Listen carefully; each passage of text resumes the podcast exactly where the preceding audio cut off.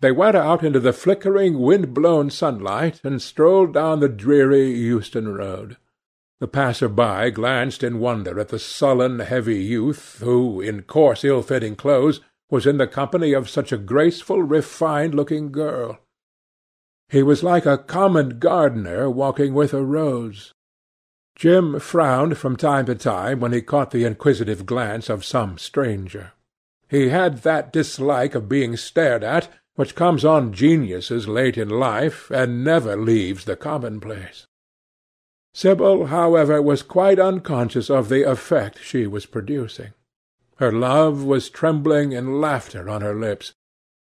She was thinking of Prince Charming, and that she might think of him all the more, she did not talk of him, but prattled on about the ship in which Jim was going to sail, about the gold he was certain to find, about the wonderful heiress whose life he was to save from the wicked red-shirted bushrangers. For he was not to remain a sailor or a supercargo or whatever he was going to be. Oh, no. A sailor's existence was dreadful. Fancy being cooped up in a horrid ship, with the hoarse hump-backed waves trying to get in, and a black wind blowing the masts down and tearing the sails into long screaming ribbons. He was to leave the vessel at Melbourne, bid a polite good-bye to the captain, and go off at once to the gold fields. Before a week was over he was to come across a large nugget of pure gold, the largest nugget that had ever been discovered, and bring it down to the coast in a waggon guarded by six mounted policemen. The bushrangers were to attack them three times and be defeated with immense slaughter. Or no, he was not to go to the gold fields at all. They were horrid places, where men got intoxicated and shot each other in bar-rooms, and used bad language. He was to be a nice sheep farmer, and one evening, as he was riding home, he was to see the beautiful heiress being carried off by a robber on a black horse, and give chase and rescue her. Of course she would fall in love with him, and he with her, and they would get married, and come home, and live in an immense house in London. Yes, there were delightful things in store for him. But he must be very good, and not lose his temper or spend his money foolishly. She was only a year older than he was, but she knew so much more of life. He must be sure also to write to her by every mail, and to say his prayers each night before he went to sleep. God was very good and would watch over him. She would pray for him too, and in a few years he would come back quite rich and happy. The lad listened sulkily to her and made no answer. He was heartsick at leaving home. Yet it was not this alone that made him gloomy and morose. Inexperienced though he was, he had still a strong sense of the danger of Sibyl's position. This young dandy who was making love to her could mean her no good. He was a gentleman, and he hated him for that, hated him through some curious race instinct for which he could not account, and which, for that reason, was all the more dominant within him. He was conscious also of the shallowness and vanity of his mother's nature, and in that saw infinite peril for Sibyl and Sibyl's happiness. Children begin by loving their parents. As they grow older, they judge them. Sometimes they forgive them. His mother. He had something on his mind to ask of her, something he had brooded on for many months of silence. A chance phrase that he had heard at the theatre, a whispered sneer that had reached his ears one night as he waited at the stage door, had set loose a train of horrible thoughts. He remembered it as if it had been the lash of a hunting crop across his face. His brows knit together like a wedge-like furrow, and with a twitch of pain he bit his under lip. "You are not listening to a word I am saying, Jim," cried Sibyl, "and I am making the most delightful plans for your future. Do say something." "What do you want me to say?" "Oh, that you will be a good boy and not forget us," she answered, smiling at him. He shrugged his shoulders. You are more likely to forget me than I am to forget you, Sibyl. She flushed. What do you mean, Jim? she asked. You have a new friend, I hear. Who is he? Why have you not told me about him? He means you no good. Stop, Jim, she exclaimed. You must not say anything against him. I love him. Why, you don't even know his name, answered the lad. Who is he? I have a right to know. He is called Prince Charming. Don't you like the name? Oh, you silly boy, you should never forget it. If you only saw him, you would think him the most wonderful person in the world. Some day you will meet him, when you come back from Australia. You will like him so much. Everybody likes him, and I love him. I wish you could come to the theatre to-night. He is going to be there, and I am going to play Juliet. Oh, how I shall play it! Fancy, Jim, to be in love and play Juliet! To have him sitting there, to play for his delight! I am afraid I may frighten the company, frighten or enthrall them. To be in love is to surpass oneself. Poor dreadful Mr. Isaacs will be shouting genius to his loafers at the bar. He has preached me as a dogma. To-night he will announce me as a revelation. I feel it. And it is all his, his only, Prince Charming, my wonderful lover, my god of graces. But I am poor beside him. Poor? What does that matter? When poverty creeps in at the door, love flies in through the window. Our proverbs want rewriting. They were made in winter, and it is summer now. Springtime for me, I think, a very dance of blossoms in blue skies.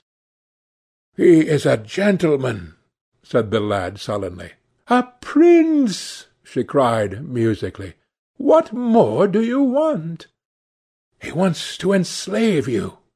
I shudder at the thought of being free. I want you to beware of him. To see him is to worship him. To know him is to trust him. Sibyl, you are mad about him. She laughed and took his arm. You dear old Jim, you talk as if you were a hundred. Some day you will be in love yourself. Then you will know what it is. Don't look so sulky. Surely you should be glad to think that, though you are going away, you leave me happier than I have ever been before. Life has been hard for us both, terribly hard and difficult. But it will be different now. You are going to a new world, and I have found one. Here are two chairs. Let us sit down and see the smart people go by.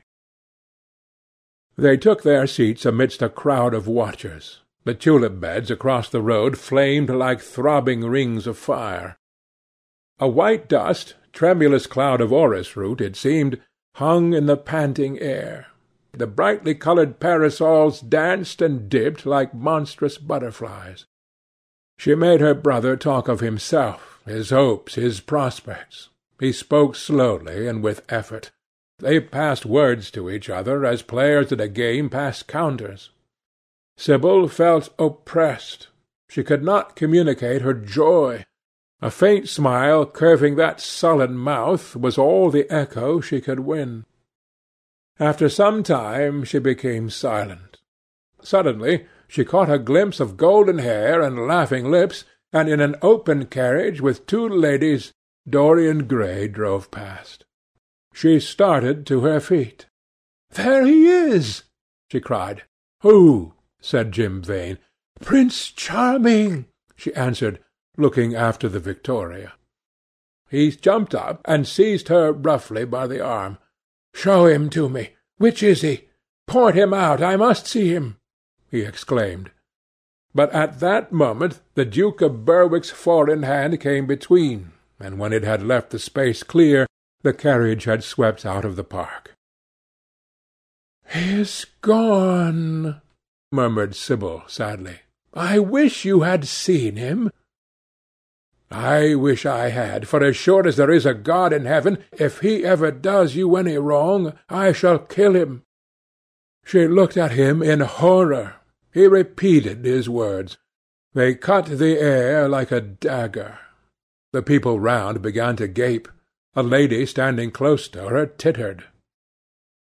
"Come away, Jim, come away," she whispered. He followed her doggedly as she passed through the crowd. He felt glad at what he had said. When they reached the Achilles statue, she turned round. There was pity in her eyes that became laughter on her lips. She shook her head at him. "You are foolish, Jim, utterly foolish, and a bad-tempered boy, that is all. How can you say such horrible things? You don't know what you are talking about. You are simply jealous and unkind. Ah, I wish you would fall in love. Love makes people good, and what you said was wicked. I am sixteen, he answered, and I know what I am about. Mother is no help to you. She doesn't understand how to look after you. I wish now that I was not going to Australia at all. I have a great mind to chuck the whole thing up. I would if my articles hadn't been signed. Oh, don't be so serious, Jim. You are like one of the heroes of those silly melodramas mother used to be so fond of acting in. I am not going to quarrel with you. I have seen him, and oh, to see him is perfect happiness. We won't quarrel. I know you would never harm any one I love, would you? Not as long as you love him, I suppose, was the sullen answer. I shall love him forever, she cried. And he? Forever, too. He had better. She shrank from him. Then she laughed and put her hand on his arm. He was merely a boy. At the Marble Arch they hailed an omnibus, which left them close to their shabby home in the Euston Road. It was after five o'clock, and Sibyl had to lie down for a couple of hours before acting. Jim insisted that she should do so. He said that he would sooner part with her when their mother was not present. She would be sure to make a scene, and he detested scenes of every kind. In Sibyl's own room they parted. There was jealousy in the lad's heart, and a fierce murderous hatred of the stranger who, as it seemed to him, had come between them. Yet when her arms were flung around his neck, and her fingers strayed through his hair, he softened and kissed her with real affection. There were tears in his eyes as he went downstairs. His mother was waiting for him below. She grumbled at his unpunctuality as he entered. He made no answer, but sat down to his meagre meal. The flies buzzed round the table and crawled over the stained cloth. Through the rumble of omnibuses and the clatter of street-cabs he could hear the droning voice devouring each minute that was left to him. After some time he thrust away his plate and put his head in his hands. He felt that he had a right to know. It should have been told to him before, if it was as he suspected. Leaden with fear, his mother watched him. Words dropped mechanically from her lips. A tattered lace handkerchief twitched in her fingers. When the clock struck six, he got up and went to the door. Then he turned back and looked at her. Their eyes met. In hers he saw a wild appeal for mercy. It enraged him. "Mother, I have something to ask you," he said. Her eyes wandered vaguely about the room. She made no answer. "Tell me the truth. I have a right to know. Were you married to my father?" She heaved a deep sigh. It was a sigh of relief. The terrible moment, the moment that night and day, for weeks and months, she had dreaded, had come at last, and yet she felt no terror. Indeed, in some measure it was a disappointment to her. The vulgar directness of the question called for a direct answer. The situation had not been gradually led up to. It was crude. It reminded her of a bad rehearsal. No, she answered, wondering at the harsh simplicity of life. My father was a scoundrel, then, cried the lad, clenching his fists. She shook her head. I knew he was not free. We loved each other very much. If he had lived, he would have made provision for us. Don't speak against him, my son. He was your father, and a gentleman. Indeed, he was highly connected. An oath broke from his lips. I don't care for myself, he exclaimed, but don't let Sibyl. It is a gentleman, isn't it, who is in love with her, or says he is? Highly connected, too, I suppose. For a moment a hideous sense of humiliation came over the woman.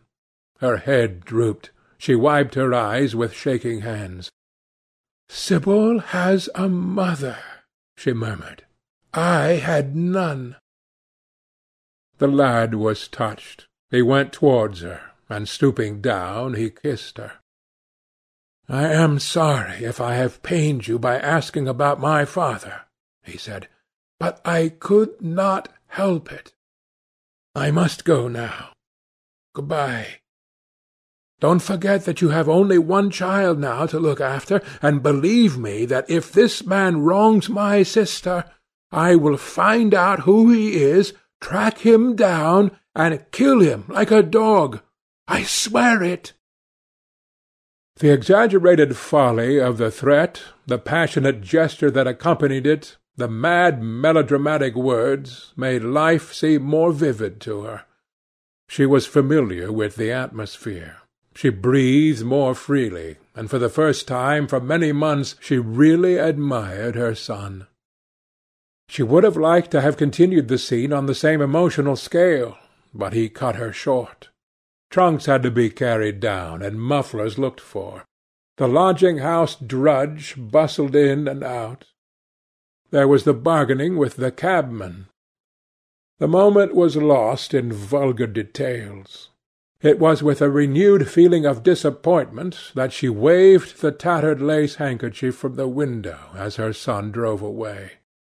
She was conscious that a great opportunity had been wasted. She consoled herself by telling Sibyl how desolate she felt her life would be now that she had only one child to look after. She remembered the phrase. It had pleased her. Of the threat she said nothing. It was vividly and dramatically expressed. She felt that they would all laugh at it some day.